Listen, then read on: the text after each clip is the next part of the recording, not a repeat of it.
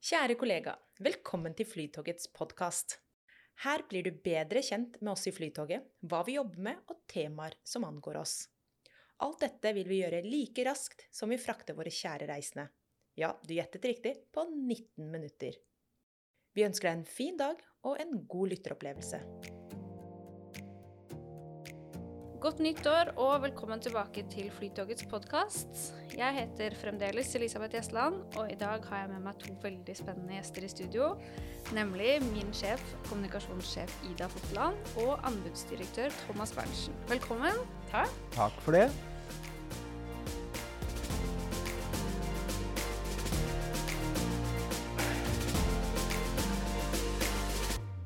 Hvordan har dere det? Jo, i dag er vi ganske glade og lystige, Thomas. Er vi Ja, ikke det? Veld, veldig, vil jeg si. uh, hatt en fin spasertur ned hjemmefra ned på, på kontoret og fått lov å komme hit en liten tur. Så det er jo et lyspunkt i seg selv. Mhm. I dag så tenkte jeg at vi skulle oppsummere og evaluere det året som har gått. Og så tenkte jeg også å invitere dere til å ta en liten titt i krystallkulen for året som kommer. For det er jo ikke tvil om at det har vært et ganske spesielt år, både for Flytoget og resten av verden. Eh, men for å ta det nære først, så kan jeg jo spørre om hva som er deres personlige høydepunkt fra 2020. Eh, 2020, ja, det var et eh, rart eh, år for min del, eh, men også et fint år. Eh, fordi det var jo hva skal man si, mye nært og fint med en sånn liten familie og en helt nyfødt baby i 2020. Mm. Men et sånt skikkelig høydepunkt må nok ha vært da vi endelig fikk dra til hytta vår i Sverige. Mm. Eh, da hadde vi ikke vært der hele våren, eh, og eh, det var veldig sånn Det er fristed og drømmested å være. Så da, mm, da vi kom ned dit, og pappa sto og tok oss imot, så brast jeg sammen i gråt. For det var liksom Det var veldig sterkt å få lov til å komme tilbake dit. Et høydepunkt for min del, det, det må nok bli ferien. Eh, Vi hadde for lenge siden, før korona kom, så skulle vi da besøke kusina mi, som jobber i WHO i, i Genéve. og hadde planlagt lenge. Og så kommer korona, og så er det jo bråstopp. Og så skjønner vi det at denne turen går i vasken. Og blir litt nedfor alle sammen, for dette hadde vi gleda oss til. Men så sa vi nei, vet du hva. Nå tar vi båtferie, og så glemmer vi alt annet. Og så gjorde vi det. Kobla helt ut. Hadde fire, ja, tre og en halv, nesten fire fantastiske uker på fjorden. Hvor vi bare slappa av. Og fordi vi ikke kunne gjøre så mye, så fant vi en rytme og en fart på det hele som var helt fantastisk.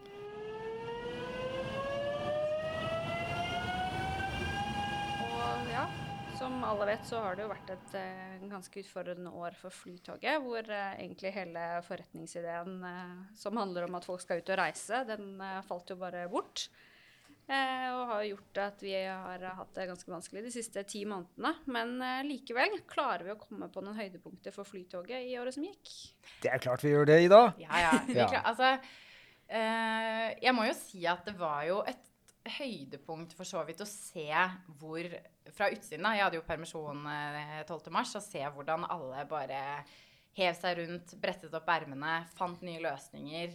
Eh, det er liksom et høydepunkt fordi man ser at kulturen og de folkene som jobber i Flytoget, er så tilpasningsdyktige da, og flinke folk. Det er jo et liksom, generelt høydepunkt å ta med seg, tenker jeg. Absolutt. Og, det at eh, vi har et eh, i all hovedsak intakt flytog etter det vi har vært igjennom nå, det er jo et kjempehøydepunkt. Viser jo det at eh, det, er, jo fort gjort å si at ja, det flytoget gjør er så lett, og det er eh, bare opp og ned til Gardermoen og snille kunder og alt det, men vi kan jo. Vi kan mye mer enn det, og vi har klart å håndtere en utrolig vanskelig krise. Den vanskeligste i Flytogets historie, og Flytoget er intakt. Ja, du sa det jo litt, Ida. Dere har jo litt ulik erfaring med Flytoget det året som gikk. Fordi du var jo i mammapermisjon nesten hele 2020. Og på den måten så fikk du jo ikke tatt del i den krisehåndteringen som du absolutt ville vært en del av hvis du var på jobb. Så hvordan var det egentlig å sitte hjemme og følge med litt eh, fra utsiden eh, når det skjedde noe så dramatisk eh, på jobb? Nei, det var, det var veldig, veldig rart. Um, og så tenkte jeg på at det var vanskelig å ikke bidra. Eh, vanskelig å ikke liksom eh, Jeg vet jo at jeg hadde jobbet eh, mye. eh, og sikkert forhåpentligvis gjort en, eh, en innsats og en forskjell også. Men, eh, så det var rart altså, å sitte på utsiden. Men også veldig sånn trygt å se at det funket. Thomas, du og jeg var jo en del av BLG, altså da beredskapsledergruppen. Og du sitter jo også i ledergruppen i Flytoget. Eh, hva husker du best fra den eh, tiden fra slutten av februar og frem til da vi stengte ned i midten av mars? Det, det, var jo først og fremst uh, usikkerhet. Hva, hva skjer neste uke, hva skjer neste måned? Det var jo det vi kjente mye på, fordi at ingen visste jo hvor det, hvor det bar. vi har jo beredskapsplanverk, vi har business continuity plan. Vi, vi, har jo verktøy for å håndtere kriser, men denne krisen blei litt annerledes enn mye av det vi har øvd på tidligere. Allikevel så så vi jo det at uh, grunntreninga slo inn. Vi etablerte BLG. Vi hadde statusmøter, vi oppdaterte oss, vi sjekka interessenter. Vi jobba med worst case-scenarioer. Så det, det, slo jo inn. Selv om vi ikke hadde trent på akkurat pandemi, så, så, klarte vi å håndtere det på en veldig god måte etter hvert. Uh, men det var usikkerheten var egentlig Den var mye å, å ta og føle på. Og så blei det jo det å sitte hjemme blei rart. Og så fikk vi jo en periode sånn ut mot sommeren hvor vi kunne tilpasse litt mer, som var mye bedre. Men den første perioden så var det litt surrealistisk. Eh, og jeg husker jo jeg satt på kontoret her når eh, pressekonferansen med Erna hvor de kunngjorde at de var de mest inngripende tiltakene i fredstid i Norge. Da kjente jeg da, da, da ble jeg litt sånn uh, ja, Da ble jeg helt kvalm, ja, husker jeg. kjente jeg, jeg satt der og tenkte OK, hva gjør vi nå? Har vi det vi trenger hjemme? Blir det portforbud? Stenger landet helt ned? Hva skjer nå? Vi diskuterte jo helt uh, etter hvert som omfanget gikk opp for oss, så, så, diskuterte vi helt åpent. Stenger vi nå butikken i tre måneder og sender alle hjem og stopper alt, eller hva gjør vi? Mm. Hva kan vi si at vi har lært av det siste året? Det er at vi, vi trenger ikke å forutse alt. Hvis vi har en grunnleggende metodikk og arbeidssystematikk rundt å håndtere uforutsette hendelser, så er det ikke så viktig hvilke hendelser som kommer. Mm. Og så har vi jo fått bekrefta noe som egentlig er eh, allerede godt kjent, og det er at uh, noe av det aller viktigste er jo litt sunt bondevett. Sette seg ned, ja, men det er det. Sette seg ned, diskutere gjennom, få meningene opp på bordet, ha takhøyde. Støtte seg på gode systemer og prosedyrer, så kommer man langt med det. Mm. Nå har vi jo heldigvis eh, lagt 2020 eh, bak oss, eh, men i motsetning til det mange på internett virker å tro, så er det ikke sånn at korona skulle bli igjen i 2020. Nå viser kalenderen 2021, og vi kan jo gjøre opp en liten status. Hvordan står det egentlig til for Flytogets del akkurat nå? Akkurat nå så vil jeg si at vi er hva skal man kalle det? Ikke av, jo, litt avventende. Fordi vi venter jo på noen viktige tilbakemeldinger fra, fra Samferdselsdepartementet og direktoratet bl.a. Så venter vi jo på noen eh, tog som stadig vekk blir eh, forsinket. Men som kommer. Eh, og Thomas, du eh, jobber jo, deres eh, lille avdeling jobber jo for full maskin med noe som også kommer til å bli en kjempeviktig prioritering og satsingsområder for Flytoget i fremtiden? da? Absolutt. Uh, full, full, fart på, på, anbudsarbeidet. Og det er klart, der uh, kommer vi plutselig til å få veldig dårlig tid. Uh, vi vet at vi får et konkurransegrunnlag i mars, og vi skal levere tilbud i august. Mm. Sånn at her kommer det til å gå, gå, unna. Og det er jo klart at vi må nok venne oss til en større usikkerhet på flere områder i årene som kommer. Jeg tror det er, det er nok vanskelig å si at alt blir som før. Jeg tror nok ting kommer til å bli litt annerledes. Jeg tror usikkerheten kommer til å bli kanskje litt større, men jeg tror vi samtidig er godt forberedt på, på å håndtere den usikkerheten nå. Mm. Og status for Flytoget er jo også altså, Vi venter jo både i reisene Vi er veldig klar over at reisemønstrene kommer nok til å være varig endret, særlig innenfor forretningsområdet. Um, og så må vi finne nye måter å tenke på, vi. Det betyr ikke at vi ikke vi klarer oss veldig bra, men vi må tilpasse oss en ny virkelighet. Da. Men akkurat nå så er det jo litt sånn Alle sitter jo litt på vent. Eh, både som enkeltmennesker og som eh, virksomheter. Da. Vi eh, alle er ganske klare for at flest mulig skal bli vaksinert. Mm. Men det skal jo skje mye spennende for Flytoget i år. Eh, hvis dere klarer å plukke ut én ting, hva gleder dere dere mest til? Jeg gleder meg og kan jeg si to ting? Én? okay, vi kan si hver vår. Okay, greit, da får du si den åpenbare din, ja, da. Uh, uh, men jeg er enig i Thomas med det. Uh, jeg gleder meg til de nye togene kommer. Jeg tror det blir et kjempeløft. Det blir energiboost for alle oss som jobber her, og det blir gøy for kundene. Er, de er helt fantastiske, de nye togene. og eh, ja, jeg gleder meg skikkelig nå. Det jeg gleder meg mest til, da Og så blir det ikke helt riktig allikevel, fordi det, det er jo selvfølgelig når vi vinner Trafikkpakke 4, men det får vi ikke vite i år. Den beslutningen får vi faktisk ikke tatt før, eller blir ikke landa da før uh, i, uh, på nyåret neste år. Sånn at det jeg må si, da, at sånn, ut fra min ståsted nå, så er det når vi har levert tilbudet vårt på Trafikkpakke 4 i august, det er nok en av de tingene jeg gleder meg mest til. For da har vi lagt et stort stykke arbeid uh, bak oss og er klare til å gå, gå, løs på det neste steget, som blir forhandlinger med direktoratet. Mm. Og legge merke til, Elisabeth, når vi vinner Trafikkpakke 4. Tipper eh, Thomas kan eh, puste ganske lettet ut den dagen det leveres, i hvert fall. Det blir en fin dag. Eh, det er én ting jeg husker spesielt godt fra den våren som var, og det var i et ledermøte eh, hvor Philip sa at nå har det unormale blitt til hverdagen. Og nå er tiden inne for at BLG får slippe, og ledergruppen tar over. Jeg var jo en litt sånn delvis del av eh, ledergruppen, så jeg fikk jo også med meg ganske mye av det som skjedde der. Og det er jo fremdeles sånn at det er ledergruppen som eh, administrerer den krisen her, hvis det går an å si det. Eh, så jeg tenkte å høre om dere kunne si noe om hvordan ledergruppen har jobbet og fortsatt jobber med det å sørge for at flytoget kommer best mulig ut på andre siden.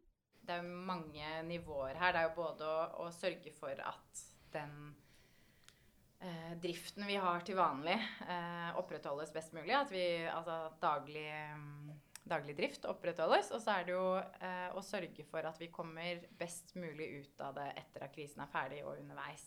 Um, og allerede i våres så begynte man jo å jobbe med å f.eks.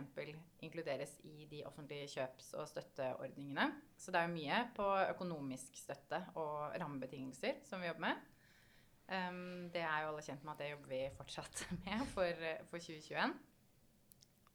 Um, du ja, Jo, jeg, altså, tenker jeg jo det som har vært uh, Som egentlig har vært uh, en god støtte og hjelp gjennom hele den vanskelige tida, da, det er at uh, alle diskusjoner vi har, så, så, er det, så er det jo egentlig to spørsmål vi, vi, ofte stiller oss, som ikke sånn direkte, men som alt bygger på. Det ene er jo Eh, hva er det beste for Flytoget? Og det andre er hva betyr det for kundene våre? Så Vi diskuterer jo nå, selv om kundene våre ikke er her, hva skal vi gjøre for å ha et best mulig tilbud til dem når de kommer tilbake? Og hele tiden hva betyr det for kundene? ikke sant? Så hva er det beste for Flytoget, hva betyr det for kundene? Og det er jo heldigvis ofte sammenfallende.